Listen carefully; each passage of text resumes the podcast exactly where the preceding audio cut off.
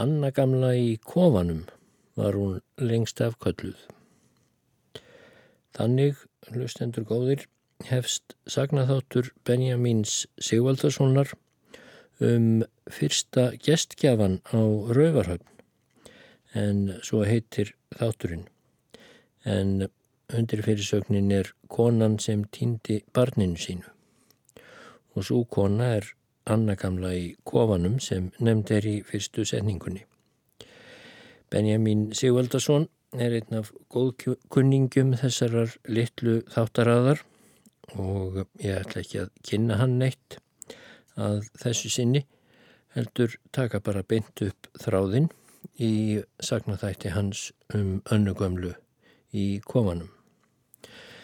Nafnennar var vel þekkt um alla sísluna, skrifar Benjamin og á þá við Norður Múlasíslu og hvarvetna var hún viðurkend fyrir frábærar gáfur, hjálpsemi og dæmafáa raust. Saga hennar var raunar ekki viðburðarík en þó er hún merkileg og næstum einstök í sinni röð svo hún er sannarlega þess verð að vera skrásett.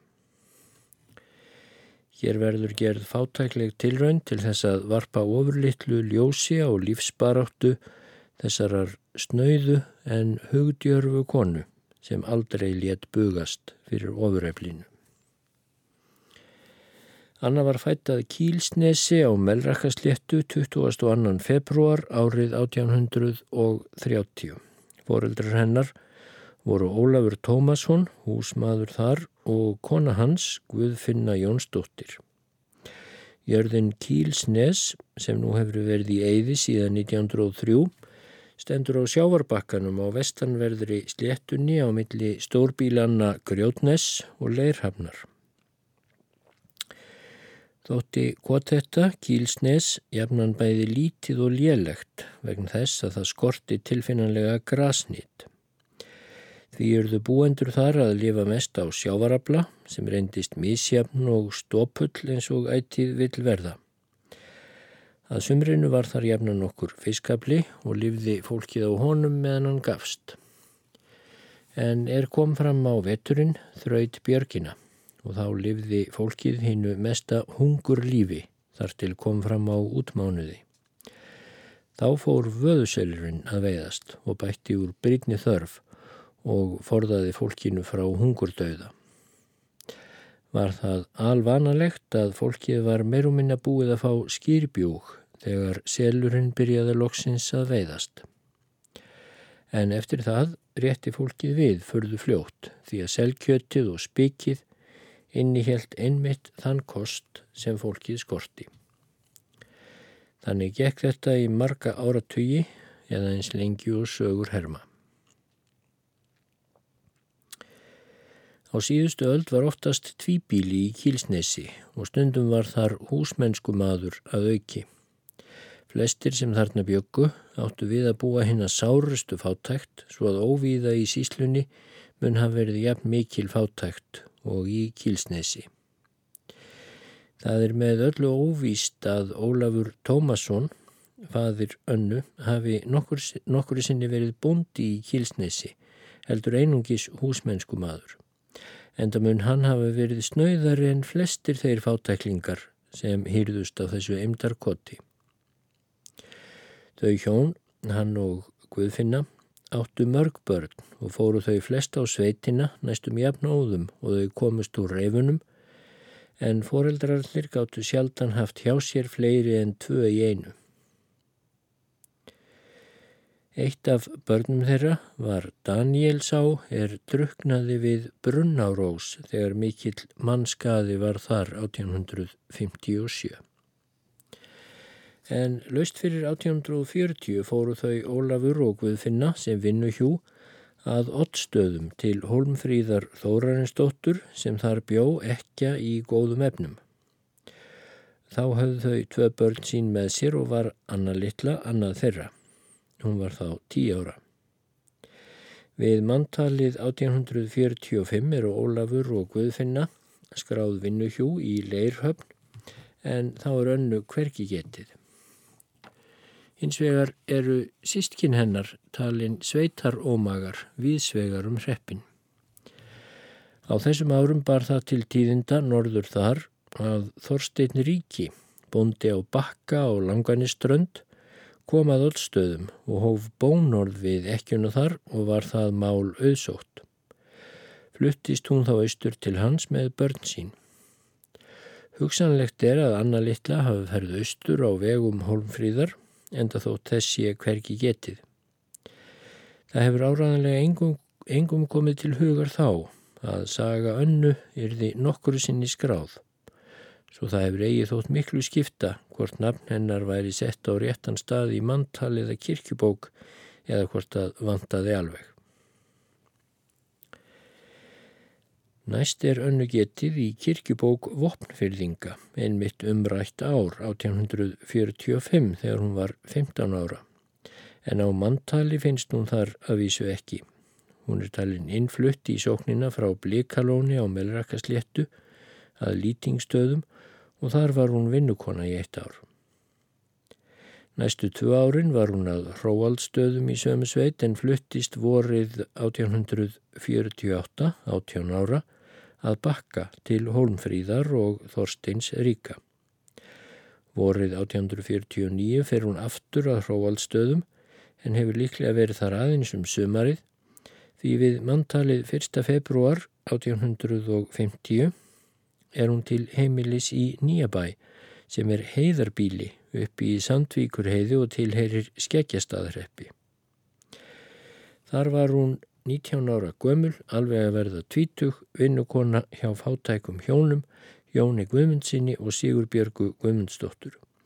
Þannig hraktist umkomulöst fólk á þeim árum úr einum staðnum í annan og á milli reppa og sísluna voru vistir þessar næsta misjafnar.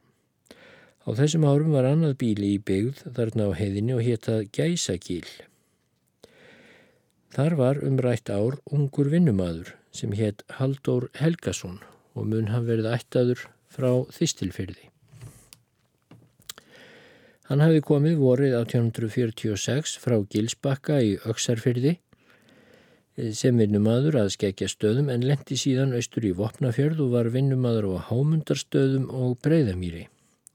Á þessum árum hefur hann kynst önnu þar sem þau voru bæði í Selardalunum og ekki þarf að Eva að Haldur hefur orðið hrifin af gáfum önnu því að sagt er að hann hafi lagt sig mikið fram um að ná ástum hennar.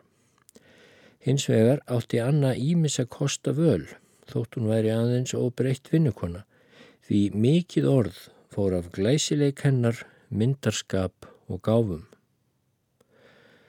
Nú var Haldur enni í nákrenni við önnu og vann fast að hugðarefni sínu en hún var honum alltaf frá hverf því hann var talinn frekar vesalmenni og væskill þó hann væri vist ekki ólaglegur í sjón. Þessi barátta á milli þeirra fór þannig að lokum að hann kom vilja sínum fram og gatt barn við henni. Það var meibarn skýrt Guðfinna og fættist 20. oktober 1851 en þá voru þau Haldur og Anna bæði skráð vinnuhjú í Nýjabæ því að hann hefur sjálfsagt flust til hennar voruð áður þegar vitað var hvernig högum hennar var komið þar að segja að hún væri orðin barsafandi. Í kirkjubókinni er tekið fram að þetta sé begja fyrsta brot eins og það er orðað. Voruð eftir fóru þau bæði í vinnumensku að breyði mýri í vopnafyrði og voru þar árið. Þá um haustið genguðu í hjónaband 11. oktober 1852 og er þá sagt um þau í kirkjubókinni að þau hafi hegðað sér meinlauslega. Engum sögum fer að því með hvaða hugarfari Anna gekk til þessa hjónabands. Það var henni eflaust nauðugt en hún hafði líklega yngra kosta völ. Voruð eftir 1853 tóku þau Anna til ábúðar kvot eitt í skeikjastaðarheppi sem hétt Sigurðarstaður. Er það norðan við Bakkafjörð og hefur núna lengi verið í eyði. Ekki bjöku þau þar nema í eitt ár því að vorið 1854 er talið að þau hafi flustað siðra álandi í þistilfyrði og munu hafa ætlað að vera þar í húsmennsku. En af einhverjum óþektum ástæðum var dvöl þeirra þar harla stutt því ekki verður betur séð en þau hafi flust þaðan sama sumarið. Í afréttum þistilfjörðar var um þessar myndir mest í fjöldi af byggðum bílum sem nú eru fyrir löngu komin í eyði og munu aldrei byggjast aftur. Kjerastadir og leirlækur voru ist og næst byggðinni en lengra fram í eyðinni voru til dæmis hafurstadir, vassendi, kvappur, ás og bæistadir. Gnístadir munu hafa verið þá í eyði en byggðust síðar. Sunnan við öll þessi bíli langt inn í heiði og langt frá öllum öðrum bæjum stóð enn eitt kotið og héttað Fagranes. En það er ekkert fagurt nema nafnið á kotinu. Hefur sá sem gaf kotinu þetta nafn ef til vil haft það sama í huga og Eiríkur Rauði þá er hann gaf Grænlandi nafnið. Það er að segja að nafnið ætti að ganga í augun á fólki. Sumarið 1854 var Fagranes laust til ábúðar og þangað fluttust þau Haldóra og Anna með barnsitt, Guðfinnu og voru foreldrar hennar hjá þeim að minnstakosti fyrsta árið. Á þessu litla koti, Fagranesi, byggu þau Anna og Haldur átta ár alls eða til 1862 og þau eignuðist þar fimm börn. Leði stundum ekki nema rúmt ára á milli þess sem börnin fættust en þó livðu börnin flest sem sjálfgeft var á þeim árum. Þarna háðu þessi ungu hjón hinn að hörðustu baráttu fyrir lífinu og kom það mest niður á annu því að öllum ber saman um að maður hennar hafi reynst duglaus og úrræðalítill og engin búmaður. Skepnurnar voru sárafáar, málnitinn úr þessum fáu kví ám var aðal lífsbjörgin. Farið var venjulegi kaupstað tvísar á ári í byrjun júlimánadar og að haustinu. Bóndanefnan fór sjálfur haustferðina með fáeinar sláturkindur til rauvarhafnar því að þar var þá eina verslunin í síslunni. En sumarferðina fór Anna venjulega sjálf með einn hest í taumi og á honum var ullarhárið sem var aðal innlegg þeirra. Hún var því að ganga báðar leiðir svo að vart er hugsanlegt að hún hefði verið minna en þrjá daga hvora leið. Þá hefur hún þurft að stansa á rauvarhöfn minst 1-2 daga því að afgreðslan gekk jafnan afar seint og styrðilega í þá daga. Kaupstadarferðin hefur því tekið minst 7-8 daga. Einn af þessum kaupstadarferðum önnu var ærið söguleg og varð henni minnistæð alla æfi. Frá þessu skal lauslega sagt hér á eftir. Þegar ullin var orðin þurr sem venjulega var í byrjun júlimánadar var hún látin í poka sem opnir voru úr grófu ullartogi og síðan voru pokarnir bundnir í klifjar. Aðeins einn hestur var á heimilinu og á hann voru klifjarnar settar. En nú stóð þannig á að þau hjónin áttu ungbarn sem var aðeins nokkura vikna gamalt. Og hvað sem öðru leið var ekki hægt að skilja það eftir í fagranesi því það var á brjósti. Því tók Anna það ráð að fara með kvítvóðungin með sér. Hún vafði gæruskinni utanum barnið og batt síðan strangan við klifberabogan á milli klifjana. Síðan lagði hún á stað með hestin í taumi og fór vitanlega skelving hægt en þó bara ekkert til tíðinda á ferðennar til rauvarhafnar. Þegar þangað kom lagði hún inn ullarhárið og tók vörur út á andvirðið batt hún þetta í klifjar og setti þær á hestin og barnið í gæruskinninu ofan í milli eins og áður og síðan lagði hún á stað heimleiðis eftir venjulegar tafir á rauvarhöfn. Á leiðinni eru margar ár, sömar strángar og vasmiklar og varð hún vitanlega að vaða þær allar. Fyrst er Ormarsá, síðan Svalbardsá og síðst Sandá, auk margra smerri. Segir nú ekkert að ferð önnu inn yfir svo kallaða hálsa og söður í Þistilfjörðin. Hefur hún vafalust gist á tveimur stöðum á leiðinni en síðan lað hún leið sína söður úr byggðinni og fram á heiðarkotin. Á áliðinum degi kom hún á heiðarbílið Hafurstaði og kvíldi sig þar góða stund. Var komið að háttatíma er hún lagði af staðhaðan og stemdi suður á heiðina. Veður var gott er hún lagði af stað. En laust fyrir miðnættið skall á þreifandi þoka og var hún svo dimm að torvelt var að fylgja hennum óglöggu göttuslóðum og fjárstígum en annað var ekki við að styðjast. Þannig held hún áfram kvildarlaust en leitt tilbaka öðru hverju og gaf barninu gætur. Allrar aðtikli sinnar þurft hún að beita til þess að tapa ekki af hinnum óglöggu götuslóðum og var það orsök þess að hún gætti ekki barsins sem skildi. Því var það eitt sinn er hún leitt tilbaka til að skiknast eftir barninu að það var horfið hafði bandið losnað og strángin oltið ofan af hestinum án þess að hún erði þess vör. Þá greip hana slík hræðsla og skjelving að eigi verður með orðum líst. En brátt tók hún að hugsa ráð sitt og þá huggaði hún sig við það að barnið hlíti að liggja við götuslóðan mjög skamt undan og svo hugsaði hún að hún hlíti brátt að heyra grátin í barninu. Ætlaði hún þá að hlaupa strax af stað en gætti þess þá að ekki mátt hún skilja hestin eftir þar sem hún var stödd því hún gætt hæglega tíndunum út í þreyfandi þokkuna og ekki fundið hann aftur og ekki bætti þáður skák. Hún snaraði því klifjunum af hestinum og hefti hann í góðri graslaut og lagði því næst af stað til að leitað barninu.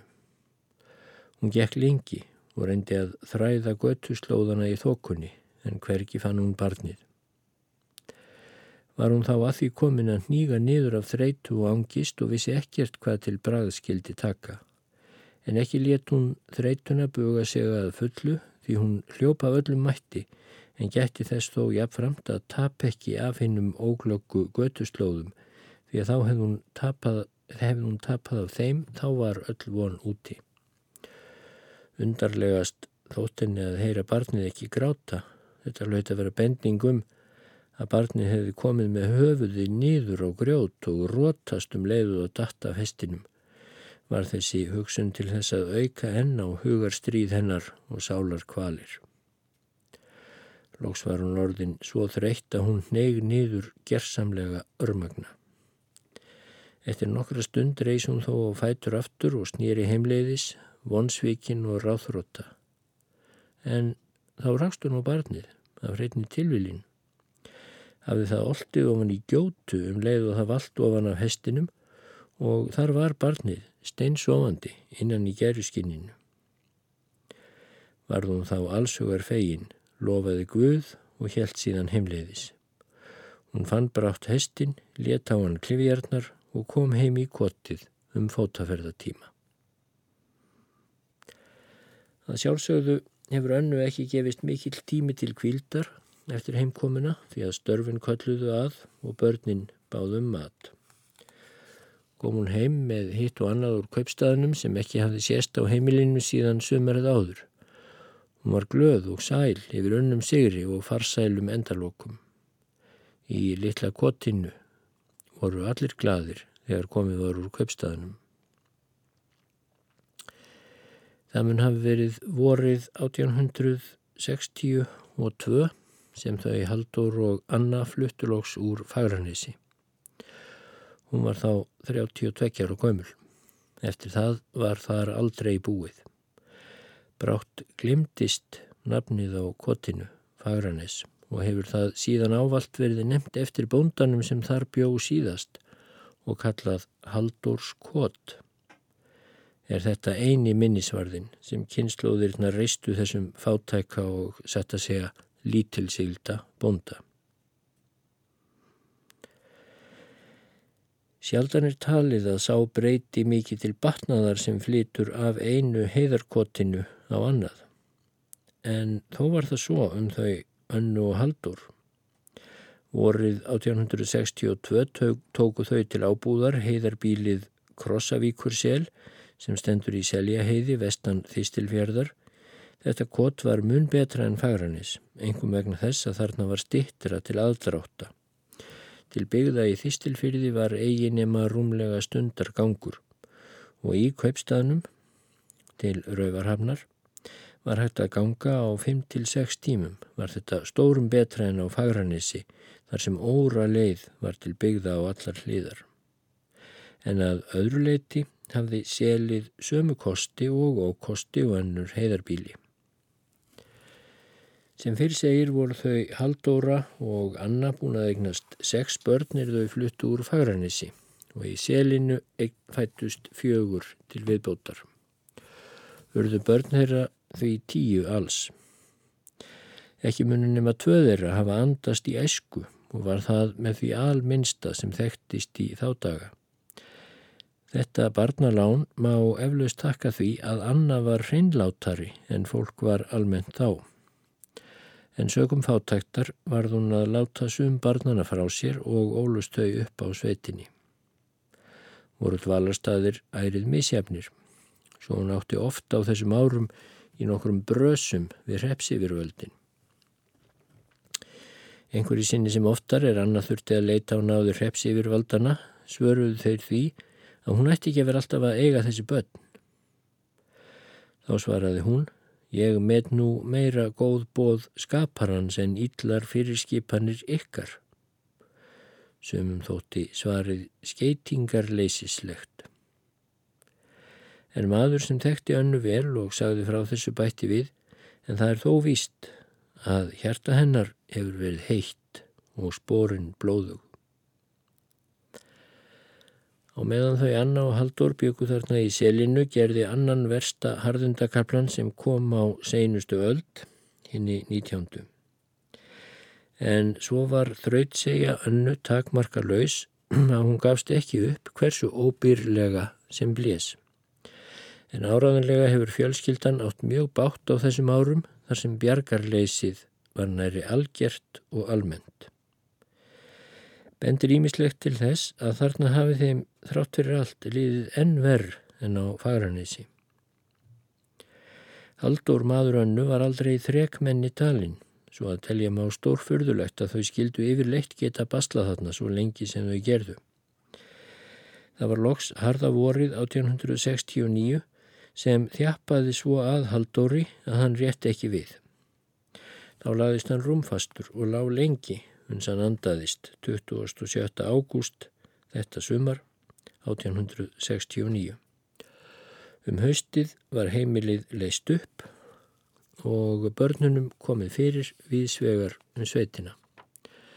Anna fór með eitt eða tvö yngstu börnin í húsmennsku að Sveinungavík og var þar til vors árið 1871.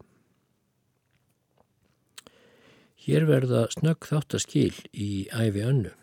Hún var aðeins 41 árs og átti eftir að lifa enþá langa æfi og viðbörða ríka þótt fljótt verði farið hér yfir sögu.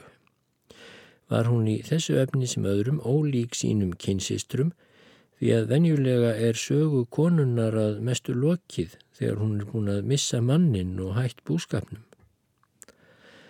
Umrætt vor fluttist Anna til Rauvarhafnar með tvö yngstu börn sín og fekk til e, íbúðar ofurlítinn Torfbæ sem stóð rétt vestan undir búðinni svo nefndu og var ávall nefndur Kofin. En búðin var í þá daga álitin afar merkilegt hús og var eina húsi í þorpinu sem nöytnast um ótakmarkaðrar virðingar. Þar var nefnilega eina verslunin í allri síslunni. Þar bjó voldugasti maðurinn, faktorinn sjálfur eða vestlunarstjórin með öllu sínu starfsliði og þar gistu aðeins fínir gestir sem áttu þangað erindi, svo sem síslumadur, presturinn og aðrir höfðingjar. Margir átturindar erindi til rauvarhafnar á þessum árum voru þá miklir erfileikar á því að fá þar gistingu og var almenningur jafnan í hennu mestu vandraði með húsaskjól meðan staðið var þar við í vestlunar erendum. Betri bændur fengu helst inni hjá ábúenda jarðarinnar en fátæklingar urðu að láta sér næja að liggja í heilöðu eða fjárhúsi. Og ekki var dæma laust að þeir eruðu að láta fyrir berast í hesthústalli eða ennverra reysi einhverju. Og eins og gefur að skilja voru þrengslinn hvarvetna mest í kauptíðinni, vor og höst, svo að til stóra vandræða horði oft á tíðum. En nú er það af önnu að segja að hún setti stað í litla torfbænum sem aldrei var eins og áður sagði kallaður annað en kofin. Og þar hóf Anna sitt annað æfistarf sem hún stundaði af mikilli kostkefni í rétt 30 ár. Sem Anna í kofanum varð hún vel þekkt um alla sísluna og elskuð og virt af öllum sem tilþektu nema faktornum. Faktornum þótti hún rekka full mikla full umfangsmikla starfsemi svona rétt við búðarvekkin. Ekki var þó beintum gróðafyrirtæki að ræða hjá annu. Hún raki í kofanum nokkur skonar veitinga og gisti hús en ánþess nokkur sinni að krefjast borgunar fyrir þann greiða sem hún leti í tje en það var þó því líkast sem blessun drottins fylgdi þessu starfi hennar til æviloka því að svo virtist sem hún hefði ávalt nóg að býta og brenna eftir að hún hóf þessa starfsemi í kofanum. Kofin hennar stóð ætið opin öllu því fólki sem til rauvarhamnar kom og ekki átti annar staðar vísa næturstaði í þorpinu. Til hennar komu fyrst og fremst flestir eða allir fátæklingar sem leið áttu til rauvarhamnar og meðal þeirra voru yfirleitt allir repsómagar og vesalingar sem ferðafærir voru. Lang flestir af þessum gistivinnum hennar gáttu alls ekkert greittinni fyrir veitingar og gistingu. Aðrir þurftu aðeins á húsaskjólinu að halda ef þeir höfðu nestað sig að heimann voru þess dæmi að í sláturtíðinni gistu hjá önnu í kofanum á milli 20 og 30 manns og verður það að teljast gjörsamlega óskiljanlegt nútíma manni hvernig slíkur mannfjöldi komst fyrir í kofa hennar.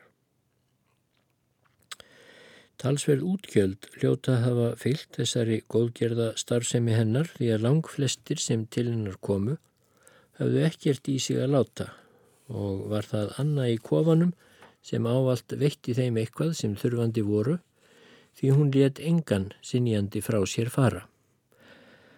Allt let hún af hendi með glöðu geði þótt hún hefði jafnan af litlum efnum að taka. Hún hafði ætið á reyðum höndum, kaffisopa eða matarbita ef þurfandi gest barað kofanum hennar, þótt hún gæti ekki vænst neitnar borgunar. Það var eins og borgunin fyrir greiðan skipti engu máli fyrir hana. Gleðin yfir því að geta þannig orðu öðrum að liði, geta rest, svanga og glatt sorgmætta, það var önnu næg borgun. Fyrir þessa starfsemi hennar varð hún svo vinsælum alla sísluna að allir sem hana þekktu lofuðu hana og blessuðu svo sem best máttu verða. Það kom alla fyrir svo nótt í öll þessi 30 ár sem Anna bjó í kofanum að ekki væri hjá henni næturgestur og það oftast fleiri en ferri en þrengst var þó í vorkauptíðinni og sláturtíðinni sem fyrir segir.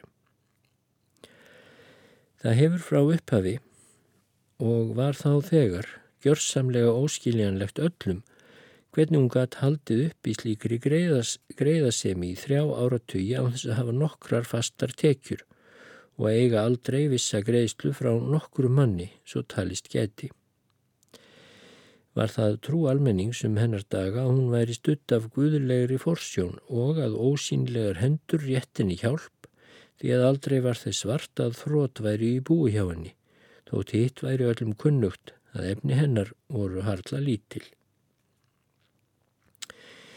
Við nána aðtugun hefur komið í ljós að helstu tekjur önnu voru þessar. Að sumrinu vann hún í fiski hjá vestluninu og fekk eina krónu fyrir að vinna allan daginn. Fiskimennirnir sem átt, allir áttu henni gott að launa leta hann að hafa margan fiskin fyrir lítið. og í sláturtíðinni fekk hún jefnan talsvert af slátrum hjá þeim sem höfðu fastan gististað hjá henni.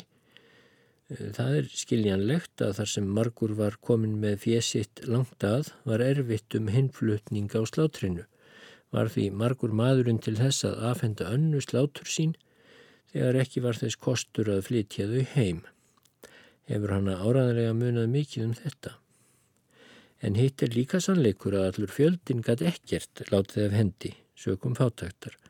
Samt blessaðist þetta svona vel hjá henni að undrum sætti. Venjulegast var eitthvað af börnum önnu hjá henni í kofanum fyrstu árin en sjaldan fleiri en tvö í einu.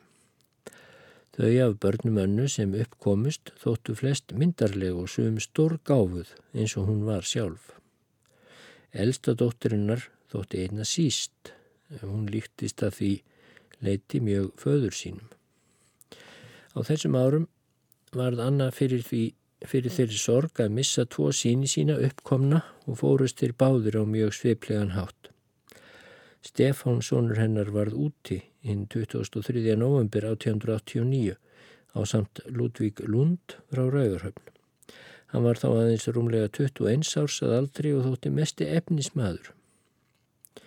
Tæpum sjö árum síðar drekti sér yng, yngsti sonur hennar og augast einn. Haldóra nafni fættur 30. oktober 1869 eða tveimur mánuðum eftir að fadir hans andaðist. Þegar þetta skeði var Haldór yngri vinnumadur að Sigurðarstöðum á sléttu. Að honum þótti mikill mannskaði, heyrðist mælt að hann hafi drekt sér vegna ósigurs í ástamálum en svo saga skal ekki rækin hér. Helgi hétt einn sonur önnu og var hann helsu lítill. Hann var kallaður Helgi Magri og átti það að vera honum til háðungar og þótti ímsum ómaklegt. Hann kvæntist og átti svon þannir Sigfús hétt og fættist á 1995. Sigfús líktist á marganhátt ömmu sinni, var afar vel verki farin og stór gáfaður eins og hún Hann andaðist á Þórsöfn fyrir nokkrum árum. Af börnum önnu skal ekki fleira sagt. Þegar Anna hafði búið í kofanum í tólf ári eða þarum bil kom nýr faktor til Rauvarhafnar. Það var Jakob Gunnlaugsson, mikilhæfur maður og stórbrotin nokkuð. Á þeim árum verðu allir að sitja á standa eins og faktorarnir vildu, engum ef faktorarnir voru ráðríkir og stjórnsamir. Þýtti því lítið fyrir alþýðu að ætla sér að etja kappi við vestlunarstjórnana eða standu upp í hárið þeirra en það kom það vist fáum til hugar. Slíkt hefði verið sam og döðadómur fyrir hvert sem var. Faktorinn gatt á til dæmis neyta þeim manni um úttekt úr vestluninni og gert honum á allan háttu lífið svo óbærilegt að hann átti um enga kosti að velja. En annan gamla í kofanum var engum manni lík. Hún stóð upp í hárinu og Jakobi Gunnlaugsinni og bar sígur af holmi. Til drögum allsins voru þau að nokkur eftir að Jakob kom skipaði hann önnu að flytja burt úr kofanum því hann hvaðst ætla að rífan þar sem hann væri of nærri búðinni fyrir fína húsi. Anna neytaði þessu algjörlega og hvaðst hafa lífstíðar ábúð í kofanum. Þá stemdi Jakob henni og fór síðan í mál. Anna varði sjálf sinn málstað fyrir dómi og gerði það af slíkri snild að hún vann málið að lokum en faktorinn hafði ekkert nema útgjöldin og skömmina upp úr þessu frumhlaupi. Jakob Faktor flutti svo alfarin burt frá Rauðurhöfn árið 1893. Hann þótti í ímsu mætur maður en þó allmikill stórbokki sem kunni því ítla ef almenningur beigði sig ekki duftið fyrir honum. Hvað þá fátaklingur eins og annað í kofanum. Hér að framann hefur hvað eftir annað verið vikið að því að Anna var mikil gáfukona sem átti fáa, fáa sína jefningja. Mælsk var hún með afbreyðum og svo var næmi hennar frábært að hún lærði utan að stólræður presta og flutti þar gerðan í heimahúsum öðrum til skemmtunar. Hún skemmti og frætti hvar sem hún var og sóttist fólk mjög eftir því að vera í návist hennar. Gamansöm var Anna í besta lægi og flutti ræður sínar þannig að fólk hafði mikla skemmtun af. Ekkert lát varð á líknarstarfi önnu þótt aldurinn tæki að færast yfir hana. Hún held upp í sömu ristnu til dauðadags og var elskuð og virt af öllum sem hana þekktu en þeir voru margir að lokum. Hún andaðist í kofanum sínum á Rauvarhöfn hinn 24. mæ árið 1901, 70 að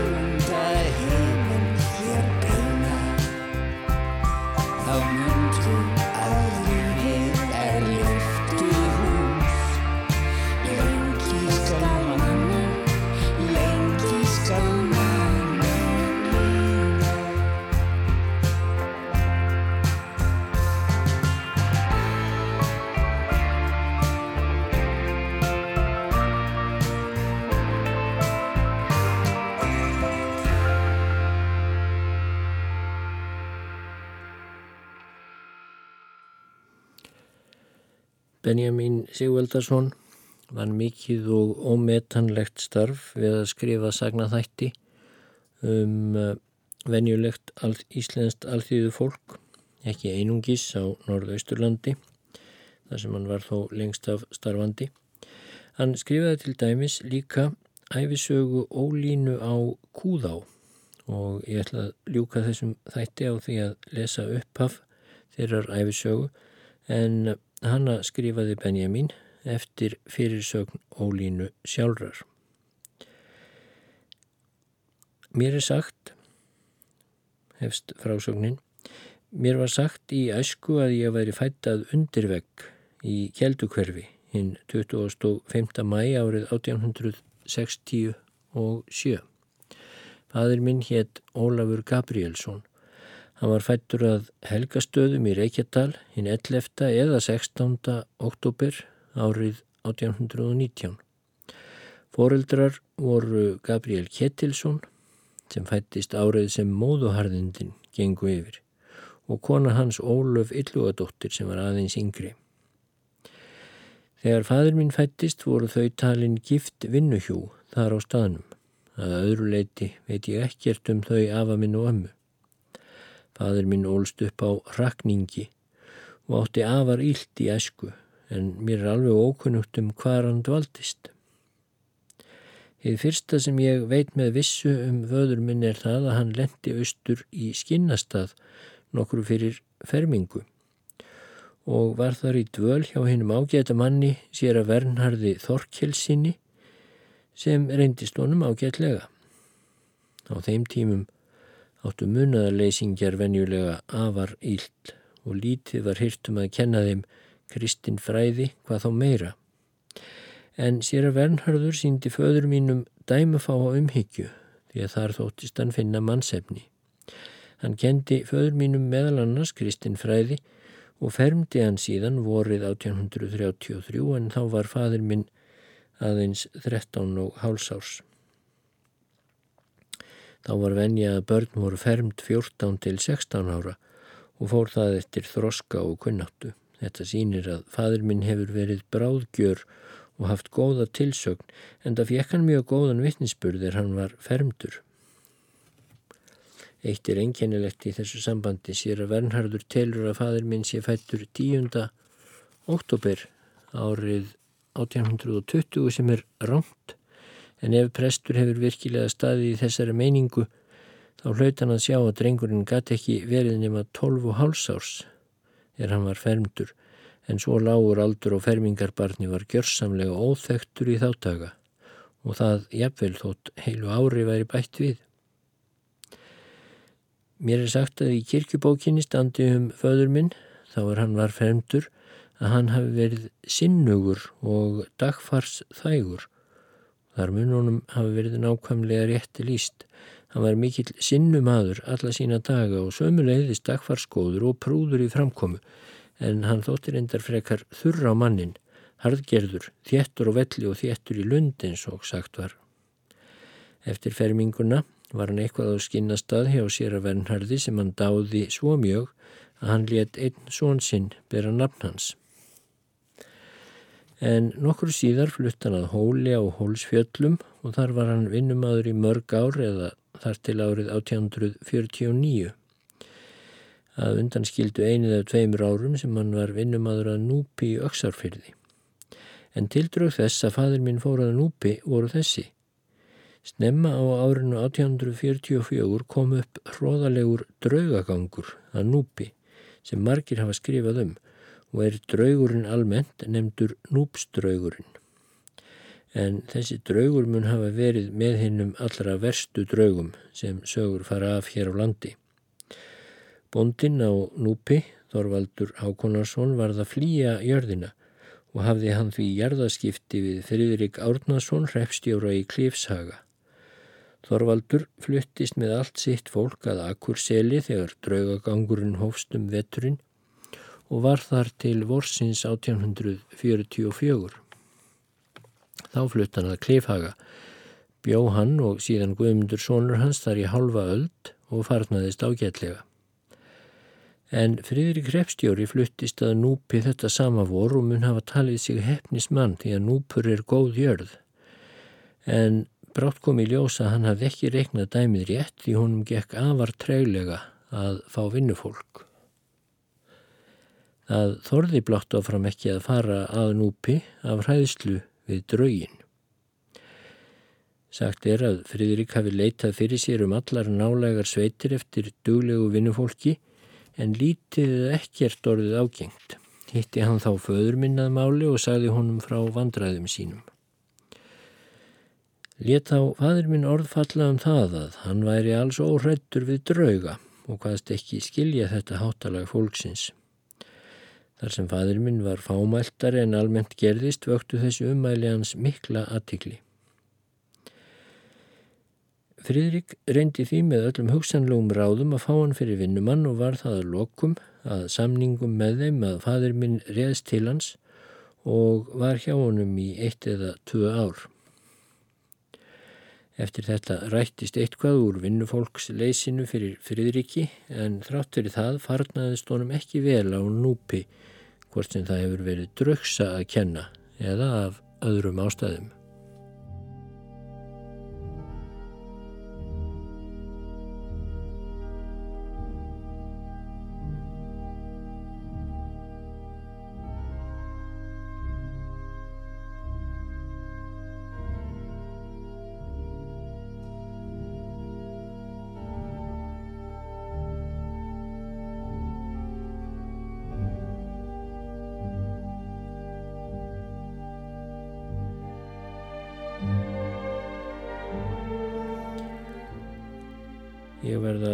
Taka annan þátt í að ljúka við æfisögu ólínu á Kúðá eftir Benjamin Sigvaldarsson og við hlustendur að býða spendir.